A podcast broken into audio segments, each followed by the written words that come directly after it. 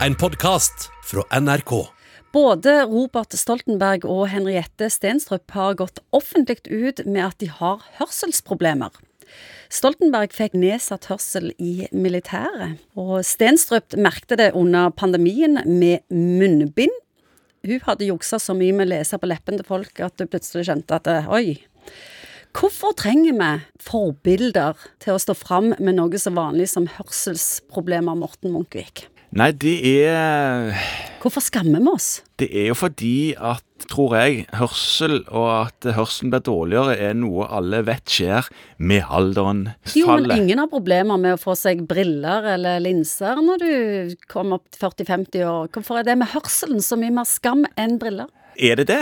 Altså hvor, hvor... Det er et sterkt inntrykk ja, mange har. har ja, jeg, jeg, er enig. Det er et inntrykk jeg òg har. Men jeg lurer på om det er sånn. Jeg tenker jo at det, er litt rart at man ser opp til litt sånn eh, sci-fi-filmer og sci-fi-greier og tenker framtiden. Da skal man bli supermennesker og kan gjøre bruk av forskjellige teknologiske hjelpemidler. Og så har man jo faktisk noe av det mest avanserte man har, er jo høreapparatene nå. De er bitte små, og man hører supergodt når man har disse her. Og man kan ha forskjellige innstillinger for forskjellige omgivelser, sånn at man, man blir nesten litt sånn cyborg-aktig. Så det har gått en enorm fart, det med hørsel og ja, teknologi. Enormt. Før så var det jo um, Så var det en svær klons bak øret? Ja, sant. Og nå er det nesten ikke mulig å se med en lite plastrør som går inn og stimulerer hørselsapparatet.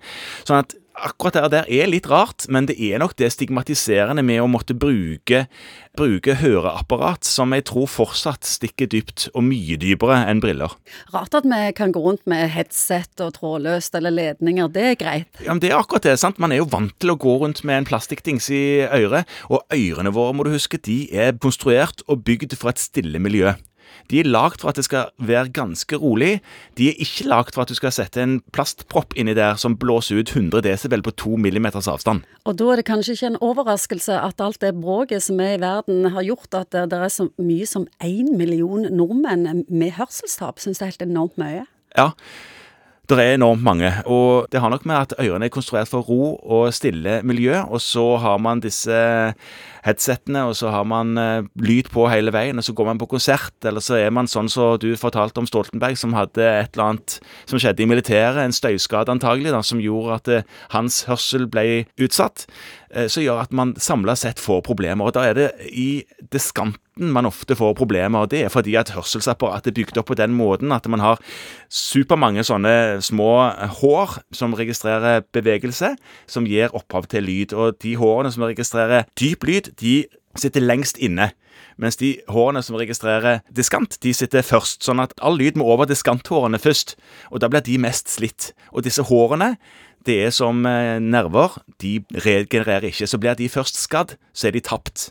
Så når du har blitt gammel nok, så hører du ikke lenger gresshoppen. Konsekvensen av dårlig hørsel er ganske alvorlig. Absolutt. Hvis du ikke du behandler det, eller Absolutt. Det kan jo òg eh, sette stopper for enkelte i yrkeslivet. Eh, yrkessjåfører skal ha hørselskrav, f.eks.